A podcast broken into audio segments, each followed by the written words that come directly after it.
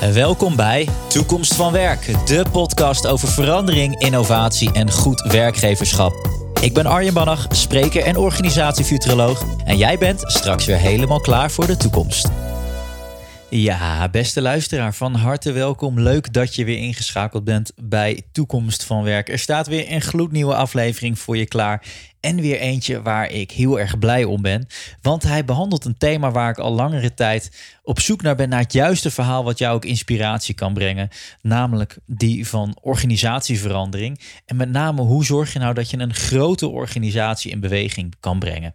Nou, als iemand daar wat over kan vertellen, dan is het Paul van Schaik. Want hij is samen met zijn collega's bezig geweest om de NS, jawel, de grote NS, waar je ongetwijfeld wel eens mee gereisd hebt, om die uh, grote verandering te hebben door laten maken. En dat hebben ze succesvol gedaan. En dan ben ik wel benieuwd, hoe krijg je nou een grote organisatie ook in beweging? Want als ik het heb over verandering, maak ik het vaak juist heel klein. Ga nou experimenteren. Maar wat als je een grote organisatie wil veranderen? Nou, Paul van Schaik kan je daar alles over vertellen. En wat leuk is om te melden, is dat Paul met zijn boek Wij is belangrijker dan Why is genomineerd voor het managementboek van het jaar. En in dat boek staat ook het hele verhaal van die organisatieverandering van de NS opgeschreven. En hij is ook niet de enige die daarvoor genomineerd is, want jawel, het boek van ondergetekende van mij, Organisatie Vibe, is net als het boek van Paul ook genomineerd voor het managementboek van het jaar. Dus je gaat luisteren naar een gesprek tussen twee schrijvers die uh, ja, beide schijnbaar volgens de jury een, uh, een redelijk onderhoudend boek hebben geschreven. Uh, dus dat verraadt misschien wel dat het ook wel weer bol zal staan van de interessante inzichten en mooie tips. En in dit geval dus over veranderingen in organisaties. Tot slot wil ik je uitnodigen, mocht je dat nog niet hebben gedaan, want het zou goed kunnen dat je wellicht luistert via Management Impact of via Great Place to Work, met wie we samenwerken in de podcast. Als je je nog niet hebt geabonneerd, doe dat vooral dan eventjes, want dan krijg je een seintje als er een nieuwe aflevering voor je klaar staat. En je kan het beluisteren via Spotify, via iTunes, via SoundCloud. Er zijn allerlei mogelijkheden, maar je kan de podcast in ieder geval luisteren. En abonneer je, dan krijg je een seintje als er een nieuwe voor je klaar staat. Ik ga je niet langer ophouden. Ik wil je uh, op dit moment alleen nog succes wensen met de inzichten die je hopelijk gaat toepassen met het interview van Paul van Schaik. Oké, okay. ik zit tegenover Paul. Paul, allereerst welkom in de podcast. Dankjewel. En um, ja, we hebben het nu over de toekomst van werken, want dat is de transformatie die we even hebben gemaakt met de podcast. En uh, mijn eerste vraag aan jou is daarin, als ik zeg toekomst van werk, wat zeg jij dan? Ja, de toekomst van werk. Uh, ik geloof heel erg dat mensen zingeving willen hebben in hun werk. Ik geloof ook dat iedereen naar zijn werk gaat om uh, iets uh, bij, te bij te kunnen dragen. En ik denk dat er in Nederland nog heel veel bij te dragen valt. Uh, bij te dragen valt in de zorg, in het onderwijs, et cetera. Maar ik denk ook bij te dragen aan, zoals we met NS gezorgd hebben, dat we van deur tot deur ja, steeds beter worden in reizigers van deur tot deur te brengen. Dus voor mij de toekomst van werk is echt wel een, uh, een elementair ding. Ook met het oog natuurlijk op digitalisering. En uh, dat mensen soms het idee hebben, we zijn straks niet meer nodig, want overal vliegen robots en overal rijden robots in de ronde. Ik zie dat nog niet zo snel gebeuren. Er blijft eerst nog een beetje mensenwerk. Uh, ik denk dat er altijd mensen nodig zijn om gasvrijheid te laten zien. Ik zie mijzelf nog niet echt gasvrij door een hostess naar mijn hotelkamer gebracht worden, mijn, mijn, mijn koffers op te, opgetild te worden. Dus ik geloof dat er nog heel veel mensenbusiness is. Mooi. En blijft ook. Nou, dat is alvast een geruststellende eerste boodschap. Um, even, even beginnen bij het begin. Wie is Paul? Ja, nou, uh, ja, Paul, uh, die vraag heb ik wel. En toen ging ik antwoorden wat voor rol ik had. En toen zei iemand, ja, maar vertel nou wie Paul is. Oh ja, dat is een goede vraag. Dus ja, wie Paul is. Ik, ik, waar ik energie van krijg en een beetje wat mijn zingeving is, is om ogenschijnlijke onmogelijke dingen mogelijk te maken. Dat heb ik eigenlijk al van jongs af aan geleerd. Uh, ik ben uh, een vrij goede hardloper geweest. Uh, nou, eigenlijk ook ogenschijnlijk onmogelijk. Ik heb projecten gedaan in het verleden, ogenschijnlijk onmogelijk. Ik ben woordblind, ik heb al twee boeken geschreven. ik ben vader geworden van twee zoons. Dus ogenschijnlijke onmogelijke dingen mogelijk maken, dat, dat, dat is mijn middelneem. En ik doe dat het liefst met heel veel plezier en humor. En uh, ja, nou dat. Ik, volgens mij ben ik dat. En ik ben 54. Dat is misschien ook nog wel leuk om te vertellen. Ja, hartstikke goed om dat even bij te weten. Um, het onmogelijke mogelijk maken, dat is, dat is zo fascinerend. En dat, dat, dat is vast niet toen de juf aan jou vroeg als, als kleuter van... Paul, teken eens even iets. Dat dit het in, uh, in, in figuurtaal, dat dat op papier kwam. Dus waar is dat voor het eerst die uitdaging, de allereerste uitdaging misschien dat je dacht... dit kan eigenlijk niet, maar ik ga het toch doen? Oeh, dat is een goede vraag. Ja, ik denk eigenlijk met de atletiek heb ik wel, uh, ja, ben ik steeds harder gaan lopen en elke keer mijn records uh, veranderd. Mm -hmm. En uh, ik was de jongste sprint trainer van Nederland. Ik heb nog met, onder andere met de trainer van Nelly Koolman als 18-jarige trainer. dus ja, ik heb echt wel bijzondere dingen gedaan. En ik denk dat het meer met mijn opvoeding te maken heeft dat mijn vader altijd hoge eisen stelde. Ja. Daar ben je natuurlijk als puber niet zo blij mee. Maar achteraf denk ik van ja, ik heb daardoor wel eh, een soort doorzettingsvermogen. Waar andere mensen denken, nou dat gaat toch niet lukken. Denk ik, hé hey, gaaf. Dat, uh, en in feite NS veranderen is natuurlijk ook een ogenschijnlijke onmogelijke opdracht. Ja. Dus um, ja, daar hou ik wel van. En dat, dat past echt wel bij me. Leuk, leuk. Ja, over dat NS-verhaal, daar gaan we voor de luisteraar later in de podcast nog op terugkomen. Want dat is een prachtige transformatie van een grote organisatie. Um, maar nu eerst eventjes weer, nou, hier en nu. Um, je bent op dit moment consultant, je adviseert organisaties. Uh, wat is daarin altijd je voornaamste uitgangspunt?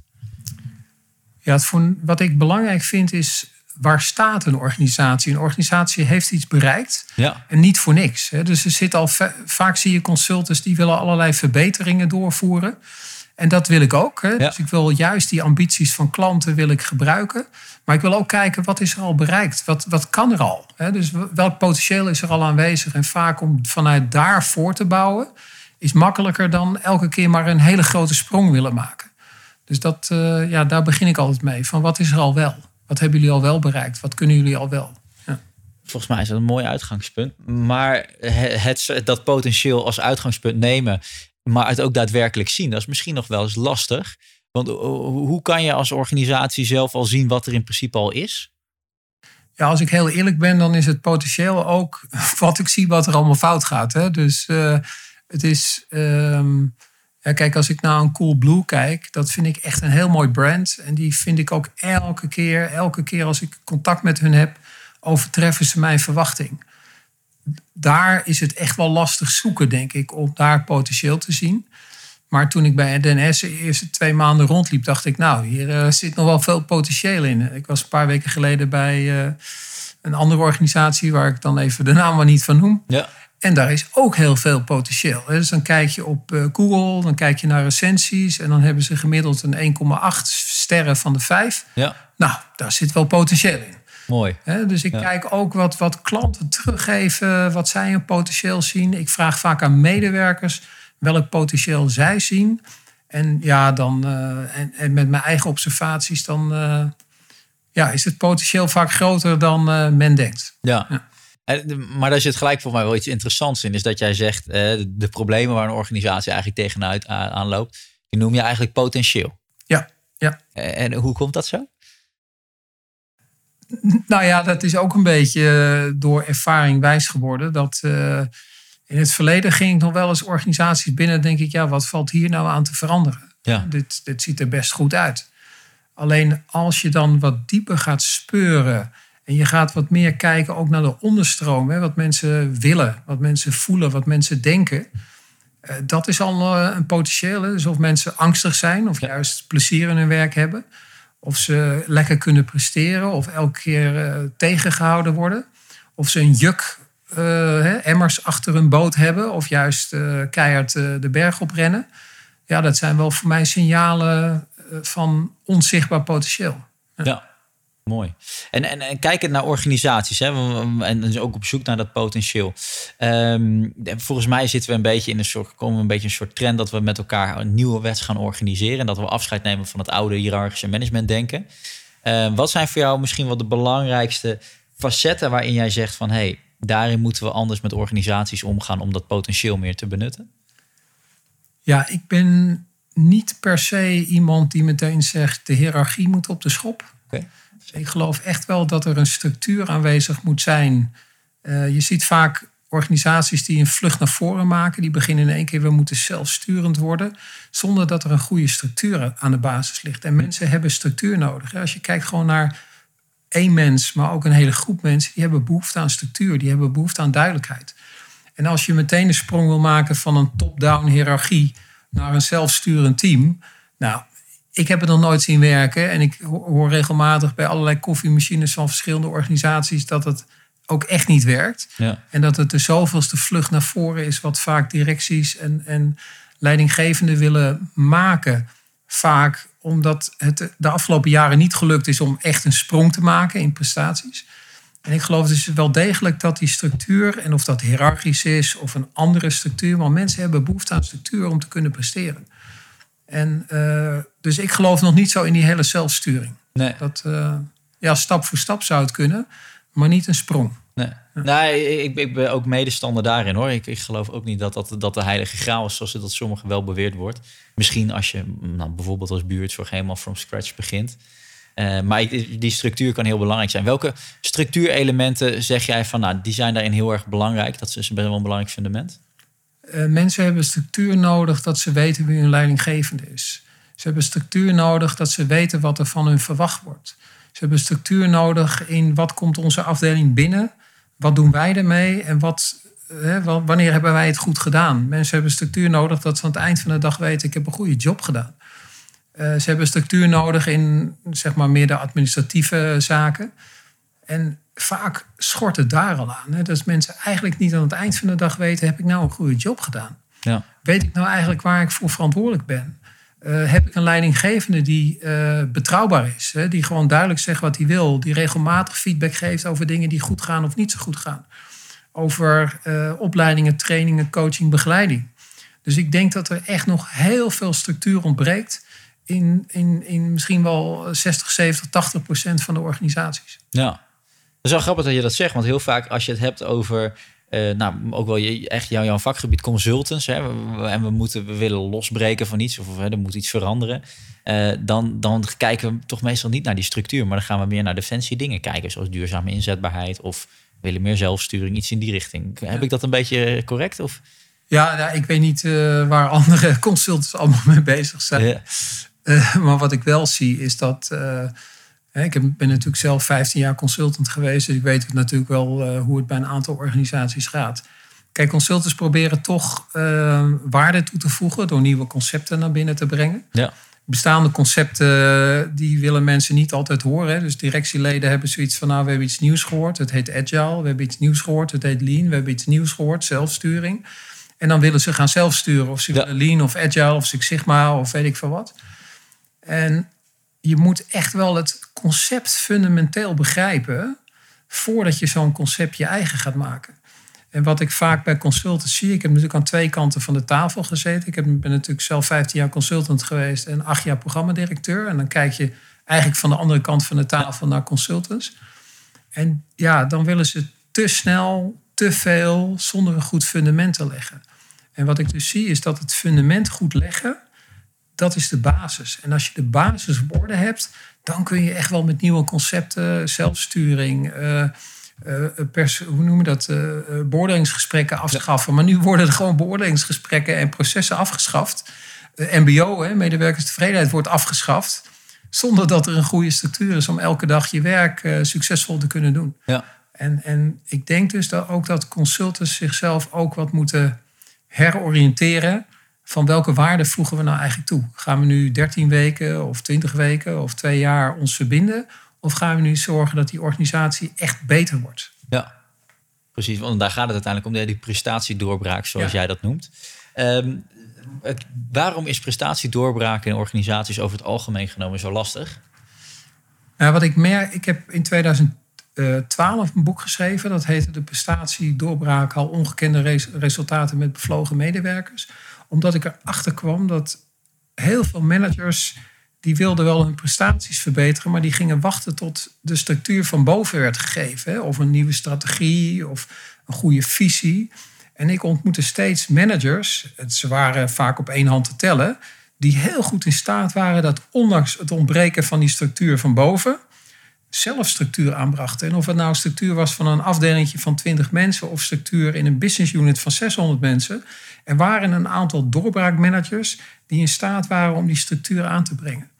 En het woord prestatiedoorbraak, vraag me niet hoe ik daarop gekomen ben. Dat kwam waarschijnlijk een keer tijdens onder de douche staan. Ja. En ehm, bedrijven hebben daar moeite mee, omdat ze niet fundamenteel eerst kijken waar staan we nu eigenlijk. Hè? Dus het, ehm, de, de, dat boek ehm, From Good to Great was geschreven en men zei van ja, leuk, From Good to Great. maar hoe doe ik dat nou? En een van de dingen Good to Great was fundamenteel kijken, wat is hier mis? Durf de feiten, de harde feiten onder ogen te komen. En dat is ook waarom het vaak niet lukt. De directie moet echt afdalen om op het allerlaatste niveau te kijken, wat gaat hier nu mis? Je hebt een hele succesvolle serie, de Secret Boss of de... Hè, ja, die komt even kijken op de werkvloer. Ja, ja. en die, die directeuren, directieleden, die schrikken zich te pletter. Ja omdat er allerlei hè, eh, medewerkers moeten tijdens hun uh, pakjes bezorgen in een fles plassen. Mensen moeten met 30 kilo trapjes op, trapjes af. Uh, mensen moeten vanwege ooit een kostenreductie moeten onmogelijke escapades uitvoeren. En dat is er vaak mis. Dus prestatiedoorbraken zijn ingewikkeld omdat mensen veranderingsmoe zijn, omdat er heel veel fundamenteel fout is in processen omdat de hele doorvertaling van al het beleid wat ze ooit bedacht hebben, dat stapelt zich op. Het wordt steeds complexer. En dan komt er weer een verandering. Dat is dan nummer vier of vijf.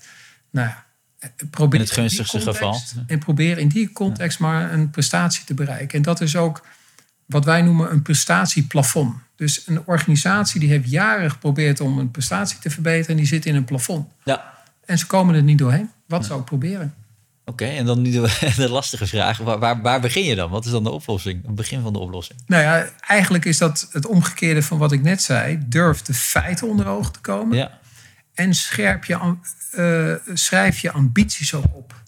En dan kom je eigenlijk op een gap tussen waar we nu staan, heel eerlijk gezien, en waar we naartoe willen. Ja. En die gap die kan, die zit vaak op prestatieniveau. Die gap zit vaak in uh, af, tussen afdelingen, zit vaak in de processen, zit vaak in de besturing, zit vaak in de rollen en verantwoordelijkheden, zit vaak in de systemen.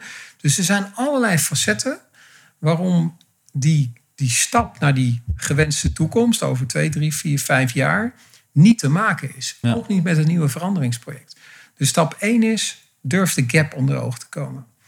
En de tweede is, als je die gap dan hebt, wat is de root cause? Wat is de grondoorzaak waarom we die gap hebben? Want je kunt wel weer een sprong naar voren maken. Ah, we weten nu wat de gap is. We zitten niet op 80, maar we willen naar 85. Nou, hartstikke goed. En we hebben silo's en we willen naar ketens. En we hebben onduidelijke KPI's en we willen naar duidelijke KPI's. Maar de vraag is, hoe komt dat? Ja. Dus een hele belangrijke stap is als je die gap scherp hebt. Wat is de root cause? Wat is de grondoorzaak waarom die gap er is?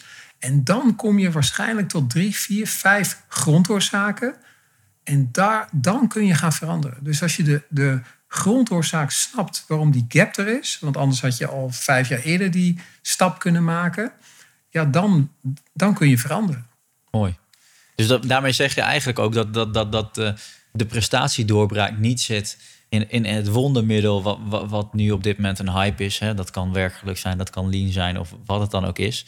Maar dat, dat de prestatiedoorbraak met name zit in het achterhalen waarom het op dit moment nog niet lukt. Ja. En dat je daar met z'n allen naar op zoek moet. Ja, en, en dat je die ook min of meer gemeenschappelijk gaat opbouwen. Dus niet dat drie consultants de gap snappen, nee. maar dat de directie, de onderliggende managers, de direct leidinggevende en een paar medewerkers, dus dat je die gap maakt met een soort afspiegeling van de hiërarchie. Ja. Want leuk als de directie weet waar de gap zit, maar daarmee weten de directeuren of de managers of de direct leidinggevenden of de medewerkers nog niet dat die gap er is. Dus het is belangrijk om die gap met een soort afspiegeling van de organisatie te bouwen. Ja. ja. Eh, even, zou je ons een heel klein beetje een inkijkje kunnen geven? Want, want ik snap dat dit ook nog weer makkelijker gezegd is dan gedaan. Hè? Zo'n gap ontdekken of even een groepje vormen van door de hele uh, lineaire laag van de organisatie heen. Hoe zou je kunnen beginnen daaraan? Want wel iets moois in natuurlijk. Ja, het mooiste is natuurlijk als een directie uh, zelf tot de conclusie komt: we hebben een probleem. En we hebben het al vier jaar geprobeerd, we hebben het al vijf jaar geprobeerd en het is al vijf jaar niet gelukt. Dus dat is het allermooiste. Want dan krijg je buy-in van 1, 2, 3 hoogste managers, hè, hoogste directieleden, raad van bestuur, die eerlijk durven zeggen: we hebben een probleem. Ja. En het is tot op heden ons niet gelukt. En het is met name heroïs als een manager of een raad van bestuurslid die er al jaren zit en zelf heeft meegewerkt aan die gap. Uh, dat is het mooist. En, en ja, en, en dat heb ik. Uh, en, dat, en dan, dan kan je gewoon beginnen. En dan kan zo'n directielid met hulp van één of twee consultants, met zeg maar een soort uh, afspiegeling van de organisatie, prima die gap-analyse maken en ook de root cause achterhalen. Ja. maar het begint met het durven erkennen dat er een probleem is. En ja. misschien dat hij of zij zelf wel de oorzaak is van het probleem. Dat zou heel goed kunnen. Ja, want dat, dat, daar was ik ook wel benieuwd naar. Want um, de vraag is ook altijd: hè, op, op, het moment dat je met elkaar wil vernieuwen, wil veranderen, dan, dan hebben toch de leiders daar wel uiteindelijk een redelijk bepalende rol in van de organisatie. En wat ik jou wil zeggen is dat eigenlijk het eerste misschien wel een stuk kwetsbaarheid misschien wel gevraagd is. Begint het daar ook bij kwetsbaarheid en leiders? Ja, absoluut. Absoluut. Ja. En, en zo ben ik feitelijk ook bij NS begonnen. Doordat uh, de voorzitter van de directie, uh, Ingrid Thijssen was dat... dat hij op een gegeven moment zei... wat, we hebben nu zoveel geprobeerd, het moet nu echt anders. En toen waren er twee hele kleine lean-trajectjes geweest... En toen dacht ze, daar zit misschien wel de oplossing in. En toen heeft zij aan mij gevraagd, kan je niet eens een keer een verhaal vertellen hoe je dat hiervoor bij Reaal gedaan hebt? En toen was het eigenlijk van, ja, kun je ons niet helpen? Ja. Dus dat is eigenlijk heel mooi. En dat, dat vind ik dus ook heroïs, als je als voorzitter van een directieteam van 11.000 mensen durft te zeggen, uh, het is tot op heden nog niet gelukt, maar laten we eens kijken of dit misschien uh, gaat helpen. Ja. Precies, dus inderdaad fouten misschien toegeven of in ieder geval jezelf kwetsbaar opstellen. Ja. Um, wat voor cultuur is hier nog meer voor nodig? Want ik, ik kan me ook heel goed voorstellen dat in heel veel culturen het best wel lastig is om die kwetsbaarheid uh, te kunnen laten zien. Allereerst bij medewerkers, maar vooral ook bij leiders. Heb je daar wat, wat, wat, wat ingrediënten voor die er nodig zijn dat je met, daar elkaar, met elkaar daar het gesprek over kan voeren? Ja, kijk, uh, het mooiste is als die kwetsbaarheid er gewoon is. Hè, dat is uh, ja. makkelijk. Uh, wat ik wel gemerkt heb, is dat het vaak goed werkt om positief te beginnen. Ja. Hè, dus niet tegen een raad van bestuurslid te zeggen: wat is hier het probleem? Mm -hmm. Maar veel meer rustig kennis maken, goed luisteren wat er op de agenda staat. Hè, dus wat uh, zo'n zo man of vrouw wil de komende twee, drie, vier jaar. En dat je dan op een gegeven moment zeg maar, het vertrouwen wint van, nou, kun je eens komen kijken? Ja. Kan je gewoon eens uh, een week uh, gewoon even kijken, wat is hier aan de hand? Of hoe kunnen we die ambitie realiseren? En ja, vaak merk je dan wel in het begin of... Uh, kijk, als een raad van bestuur het alleen maar zijn of haar eigen agenda wil nastreven... en verder niet geïnteresseerd is wie de man of vrouw is tegenover hem... dan voel je eigenlijk al van, het is een vrij ja, um, um, solistisch iemand. Ja. Die het solistisch wil oplossen. En vaak hoor je door de verhalen die hij of zij vertelt, hoor je al hoe iemand kijkt naar ja. zijn of haar team, uh, naar zijn of haar rol. Uh, dus het helpt wel. Hè, als, ik, als ik vaak in het begin een goed gevoel heb. Hè, zoals van de week, uh, vorige afgelopen week zat ik bij een CEO van ja, een bedrijf met 700, 800 mensen, dus heel klein. Hè? Maar op, je, je, merkt in het gesprek al van jeetje, dit, uh, deze persoon wil uh, echt iets nalaten. En ja. niet een, een, een, een, iets voor de aandeelhouders realiseren, maar echt iets nalaten in die paar jaar dat hij of zij er zit. Ja. Nou, en dan, ja, dan loopt het gewoon. En dan staan eigenlijk alle, ja, hoe zeg je dat, alle kanalen open om met elkaar heel transparant het gesprek te voeren. En uh, ja. ja. Dus. En hoe belangrijk is die transparantie om, om zo'n proces goed te kunnen laten werken? Nou ja, hoe transparanter, hoe beter. Ja. Het was natuurlijk ook een beetje in de, in de cultuur van tegenwoordig. Hè? Alles zoveel zo transparant mogelijk maken als kan. En uh, juist als je aan zo'n klus hè, voor een prestatiedoorbraak begint, dan is transparantie heel belangrijk. Hetzelfde geldt natuurlijk ook voor mij. Hè? Als ik een, een offerte neerleg die gewoon outrageous kostbaar is, ja dat is ook niet echt transparant. Hè? Nee. Dus het is ook belangrijk om zeg maar, de wederzijdse belangen met elkaar af te stemmen. En, um, maar ook uh, wat is er mogelijk in het team mis? Hè? En dat is vaak ook ingewikkeld. Hè? Stel dat iemand net zijn hele team compleet heeft en uh, ik kom daar binnen en we praten een tijdje en ik, we werken een maandje met elkaar. En ik zie zelf al dat er één of twee, ja, dat we daar niet de oorlog mee gaan winnen met betrekking tot de ambitie die we hebben. Ja, dat is dan wel ingewikkeld. Nou. Dat, uh, Precies. Maar ja, het is mooi inderdaad wat terecht wat je zegt. Die, de, de maatschappij wordt steeds transparanter. Alleen één gremium dat nog steeds een beetje tegenhoudt, dat zijn de organisaties veel waarin we werken. Dat is ik altijd wel een interessante dissonant uh, daarin. En, en zeker als je het ook hebt over veranderen richting alle mensen. Ja, dan zou je misschien veel meer openbaar moeten maken.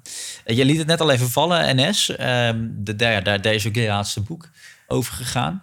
Um, en, en, en je bent daar binnengekomen omdat ook een van de leiders zich kwetsbaar opstelde en zegt: hé, hey, het moet echt anders. Misschien zou het op deze manier kunnen. Um, zou je ons eens mee kunnen nemen? Jij hebt die vraag toen gekregen. Wat, wat zijn de eerste stappen die je zet? Ja, de eerste stappen waren eigenlijk doordat uh, ik heb eigenlijk destijds het verhaal verteld van Reaal. Hè. Dus dat was de verandering van Reaal die ik begeleid heb. En de CIO van SNS Reaal werd later de CIO van NS. Ja. En hij vroeg me eigenlijk om een presentatie te geven voor het hele directieteam van NS Reiziger. En ik heb toen een manager meegenomen, want hè, niet de eerste stap is als je binnen bent, maar de eerste stap begint al voordat je daar in dienst gaat. Ja. En wat ik toen gedaan heb, is een kritische manager van Reaal meegenomen. En gewoon gezegd van nou, vertel gewoon wat jij beleefd hebt. Hè? Want ik kan wel vertellen als programmadirecteur, nou, geweldig programma, heel succesvol. Ja. Maar het is ook wel goed om een kritisch geluid te laten horen. En de programma of de manager die ik mee had genomen, die is gewoon heel eerlijk geweest van ja, met de consultant deden we het zo en met het team van, uh, van uh, het interne lean team van uh, Reaal deden we het zo. En dit is de transformatie die ik zelf heb doorgemaakt. Want vaak als je een prestatie doorbraakt, betekent het dat iedereen moet gaan leren. Ja. He, dus het is niet dat uh, de directie niet hoeft te leren en dat iedereen onder hun, dat zie je vaak. We gaan een verandering en dan gaan ze naar beneden kijken hoe de organisatie moet veranderen. Maar wil je echt transformeren, dan moet ook het topteam transformeren. En dat betekent dat de ene dit moet leren, de ander dat moet leren. Dus het is ook nog een individueel leerproces voor een heel team. Ja. En uh, nou, op een gegeven moment kom je dan aan boord. En dan begint het, dan heb ik de eerste twee maanden de tijd genomen om heel goed rond te kijken. Dus ik heb in uniform uh, kaartjes geknipt. Ik heb uh, met een. Uh, kaartjes geknipt? Ja, dus gewoon als conducteur meegereisd. Ja, ja de, de OV-chipkaart gescand. Ja. Ik dacht al, wat dat. ja, nee, dat is dus niet meer knippen, maar wel. Ja, ja, ja, precies. Ja, ja. Ik, ja, maar ze noemen het nog steeds knippen. Ja, echt waar? Ja, ik ga even knippen. Dus ja, dat is heel. ze noemen dat zit er nog steeds in. Dat zit er nog steeds in. Ja. Um, ik ben met een machinist meegereisd. Ik ben bij klantenservice gaan kijken. Ik heb s'nachts op opstelterreinen gekeken hoe treinen schoongemaakt werden en voor de volgende dag klaargezet worden. Nou, ik heb gewoon in het hele proces meegekeken. En toen kon ik die gap-analyse maken. En toen heb ik met een, heel veel mensen gesproken om zeg maar, samen die gap-analyse op te bouwen. En ook de root causes te bepalen. En toen zijn we gestart met uh, een aantal kleinere projecten. Om gewoon te bewijzen dat in de NS-context het lukt. En een van de mooiste dingen was in het begin dat hoofdklantenservice... die uh, had al een analyse gemaakt een half jaar ervoor. En toen bleek dat 53% van alle telefoontjes die binnenkwamen waste was. Kortom, 53% van alle telefoontjes zijn eigenlijk niet nodig. Omdat NS zeg maar, uh, zijn of haar product of dienst niet goed levert... moesten mensen bellen. Hè, iets, iets keuzedagen. Hè. Dus zijn vaak wat oudere Nederlanders die ja. hebben zes keuzedagen per jaar of zeven. En dan ging wat mis. 1650 keer werd er gebeld per week. Dat is niet echt handig. Zo. Ja. Nou, dan ga je het analyseren, blijkt er dit te zijn en dat te zijn. Nou, dan los je dat op en dan zijn het nog minder dan duizend telefoontjes. Binnen een periode van twee maanden. Dus twee maanden minder, uh, uh, al uh, een derde minder telefoontjes. Nou, zo heb ik allerlei voorbeelden. En Paulette uh, was toen de managerhoofd van de, van de klantservice.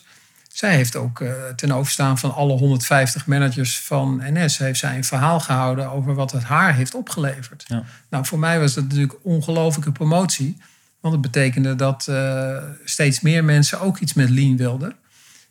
nou, en zo begin je dan. Hè. Dus je begint met de root cause analyse... Dan ga je gewoon kleine projectjes doen om te bewijzen dat het werkt. En dan komt er eigenlijk een soort aanzuigende werking van hé, hey, maar ik wil eigenlijk ook wel een prestatie doorbraken. Ja. Nou, en dan, ja, dan transformeer je eigenlijk. Ik zeg altijd, je moet een soort voorhoede hebben. Ja. En die voorhoede, die helpt andere mensen wel over de streep. Hetzelfde met uh, conducteurs. We zijn natuurlijk uiteindelijk elke tien minuten een trein gaan rijden tussen Eindhoven en Amsterdam. Daar zijn we in 2014 al mee begonnen. Hm. Toen hebben we workshops gedaan. Dennis Stout, mijn mede-auteur en ik hebben workshops gedaan in Heerlen, Eindhoven, Utrecht, Amsterdam. Met medewerkers, dus met een machinist, met conducteurs, met mensen van verkeersleiding van ProRem, met mensen in de bijsturing die dan tijdens de, als er wat misgaat, bijsturen. En die zeiden al, uh, klanten zijn onze grootste bottleneck om, om precies op tijd te rijden. Een van de dingen is, klanten weten eigenlijk niet wat fluiten betekent. Dus fluiten is niet meer instappen, is een campagne die heeft, uh, denk ik, een, meerdere keren gedraaid om onze reiziger te vertellen dat fluiten betekent niet meer instappen. Als wij op tijd willen rijden, moet je fluiten en moet je dus niet meer instappen. Ja. Nou, dat is een mooi voorbeeld van hoe je gewoon begint, uh, ervaring opdoet en met een soort voorhoede begint en dat er steeds meer mensen zich aansluiten bij de verandering. Ja. Nou ja, en op een gegeven moment rijden, dus ik ben hier nu net ook uh, met de trein gekomen. Nou, uh, Amsterdam perfect op tijd, aankomst perfect op tijd. En ik verwacht ook straks weer eh, perfect op tijd terug naar Amsterdam te gaan. Ja, prachtig. En dan kan je ook zeggen, dan heb ik daaraan meegeholpen natuurlijk. Ja, uiteindelijk zijn het natuurlijk, en dat, dat is ook wat we in het boek zeggen, het zijn de medewerkers die het gedaan hebben. Het zijn de managers, de direct leidinggevende managers, de directie en de staf. Ja. Dus wij, hè, eh, Alfred, Dennis en ik, wij hebben dingen begeleid. Ja. We hebben dingen zeg maar gestart. We hebben concepten aangedragen. Maar uiteindelijk zijn het de medewerkers die hebben de prestatieverbetering. Wij, wij kunnen niks met nee. z'n drieën. Nee. dus het zijn echte medewerkers die meer op tijd rijden. Uh, de medewerkers die nieuwe apps bedacht hebben. Medewerkers die uh, hoe heet het, de smartwatch uh, bedacht hebben. Hoe die het best ingericht kan worden. Ehm, ja, het zijn echte medewerkers die het gedaan hebben. Ja. En de directie die ons de tijd heeft gegeven. Eigenlijk samen met de directie. Om die verandering vorm te geven. ja. Precies, want dat, het heeft natuurlijk tijd nodig als je daarmee bezig bent. We hebben er uiteindelijk vier, vijf jaar over gedaan. Ja. En wat ik wel zo mooi vind, want ik, sowieso de focus af van het moet iets nieuws zijn naar echt gewoon fundamenteel willen oplossen waar, zoals jij het noemt, de gap zit.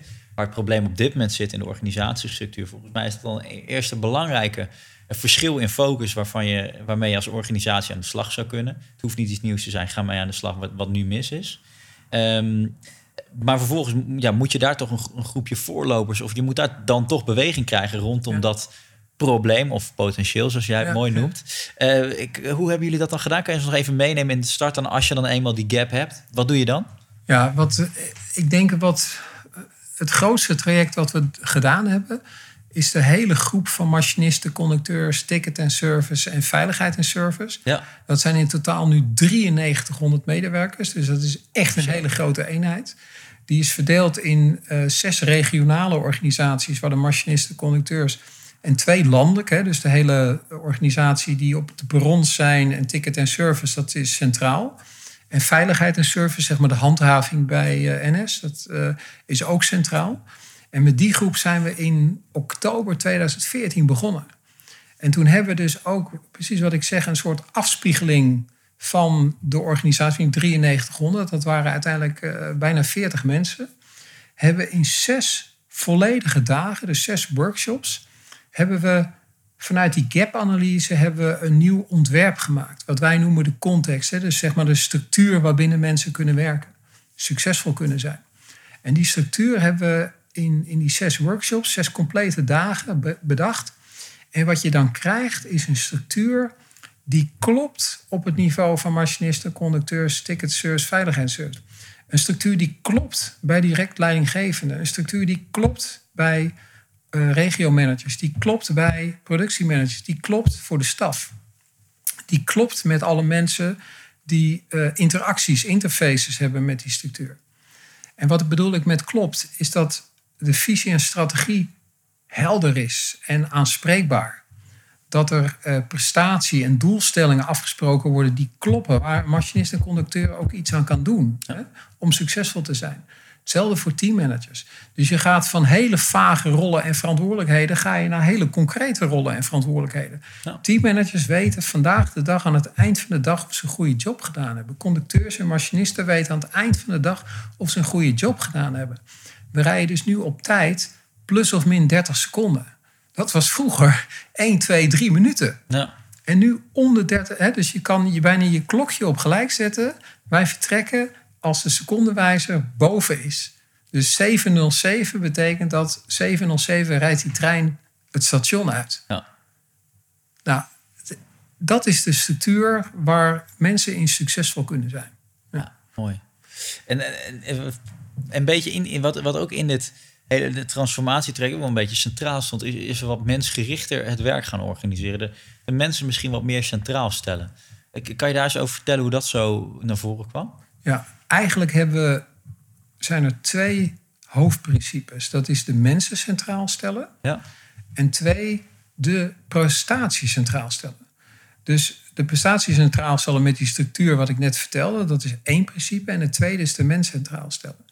Op het moment dat je de mens centraal stelt, ga je proberen te begrijpen, vanuit de theorie, vanuit je ervaring, wat hebben nou mensen nodig? Waar worden mensen door gedreven? Wat motiveert hen? Hoe leren ze eigenlijk? Hoe presteren ze het beste? Hoe raken ze bevlogen? Hoe raken ze engaged?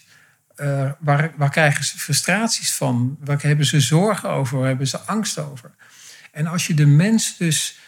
Wij noemen het ook de emotionele mens. Dus wij hebben het niet over de mens als een soort rationeel wezen. Ja. Ik zat net in de trein en ik las de metro. En het bleek dat er uh, een verkeersregelaar of een 16-jarig verkeersregelaar is uh, neergeslagen door een man die zijn visstekkie niet kon uh, bereiken. Ja. Hoe, als je aan een normaal mens vraagt, goh, zou u een 16-jarig meisje in elkaar slaan omdat u uw verkeersstekje niet bereikt? Dan zegt iemand nee, natuurlijk niet. Nee. Maar hoe komt het dan dat toch iemand het in zijn hoofd haalt om iemand neer te slaan? En zeker een meisje van 16, maar ook een jongen van 16 en ook een kerel van 42. Die sla je niet omdat je bij je visstekje. Dus het feit dat je erkent dat mensen door emoties gedreven worden, als je dat durft te erkennen, dan komen daar een aantal implicaties uit. Een van de implicaties is dat mensen stapje voor stapje leren. Ja. Dus die leren niet snel, die leren stapje voor stapje. Omdat als je ze goed begrijpt, mensen, dan weet je dat er een soort klein dingetje in de hersenen zit, dat heet de amygdala. Ja. Op het moment dat je die aanspreekt, gaat alles op slot en leert niemand meer wat. Als je die kan omzeilen door een heel klein stapje elke keer te geven, dan durven mensen wel te veranderen. Dan gaan ze wel iets nieuws uitproberen. Het tweede is dat je kan wel ieder mens individueel laten veranderen, maar je kan beter het collectief veranderen. Dus wat, en dat heb ik met name van Alfred geleerd, dat je veel beter, en wat wij dan de structuur, hè, als je die structuur co-creëert, samenbouwt, en die structuur stapje voor stapje implementeert, dan kunnen mensen die stap makkelijker maken, dat kleine stapje. En je gaat veel sneller veranderen dan Jantje, Hempietje en Klaasje. Dat duurt veel te lang. Dus die structuur veranderen en die structuur stap voor stap implementeren gaat veel sneller dan mensen individueel proberen te veranderen. Het andere is dat mensen zich veilig moeten voelen. Dus dat je, en dat is wat, daarom heet de titel van het boek ook Wij is belangrijker dan Why. Want je vraag was net, hoe ben je nou begonnen? Wij zijn met die 40 mensen begonnen door eerst aan hun te vragen: hoe willen jullie met elkaar samenwerken de komende zes workshops? Toen hadden ze al zoiets, hè? ons wordt gevraagd hoe wij willen samenwerken. En we gaan niet meteen over allerlei dingen nadenken. Nee, we hebben eerst een stukje wijvorming gedaan met die 40 mensen. En dat is ook de crux. Elk projectteam, elke afdeling je moet eerst zorgen dat je een stukje wij hebt ontwikkeld, een stukje saamhorigheid, een stukje veiligheid om te kunnen leren. En als mensen weten, oh, ik kan, ik kan leren, ik mag fouten maken, ik mag uh, leren, ik mag de tijd nemen, uh, ik kan mensen uitnodigen om een feedback te geven, ik kan ook feedback ontvangen. Dus dat wijvorming is ook heel belangrijk. Hm. Dus elke verandering beginnen we met die wij. En of het nou een root cause analyse, begin je met wij, of het nou een Uh, context creëren begin je met wij. Een implementatie starten begin je met wij. Dus die wij begint elke keer voordat je gaat veranderen. En als, als mensen zich veilig voelen, dan gaat die amygdala uit. En dan is het heel fijn om te leren en te presteren. En uh, nou, om het even plat te zeggen, op je bek te gaan. Ja. En weer op te krabbelen. Want mensen leren natuurlijk nooit in één keer. Als jij leert grijpen met een surfplank, dan moet je eerst 30 keer in het water gevallen zijn om te kunnen grijpen. Nou, en zo is het ook met een goede corner of een goede strafschop nemen. Die moet, er over, die moet in de handen van de keeper, die moet uh, ver buiten het doel. Tot je hem uiteindelijk in de kruising uh, krijgt. Dat gaat niet vanzelf.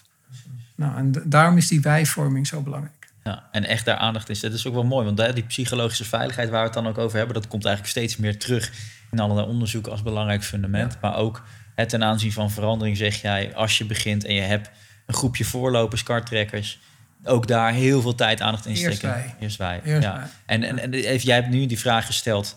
Um, hoe willen wij met elkaar samenwerken? Nog iets anders wat je kan doen om de wij, dat, dat gevoel hoog te houden? Ja, hoe willen we samenwerken is dan een uh, goede vraag. Een andere vraag is, hoe willen jullie met elkaar zijn op het moment dat er problemen zijn? Dus dat je eigenlijk, hè, want je kan wel happy campers uithangen, maar er gebeuren ook dingen die niet helemaal uh, wenselijk zijn. Ja. Dat kan buiten de context gebeuren, maar ook binnen een team.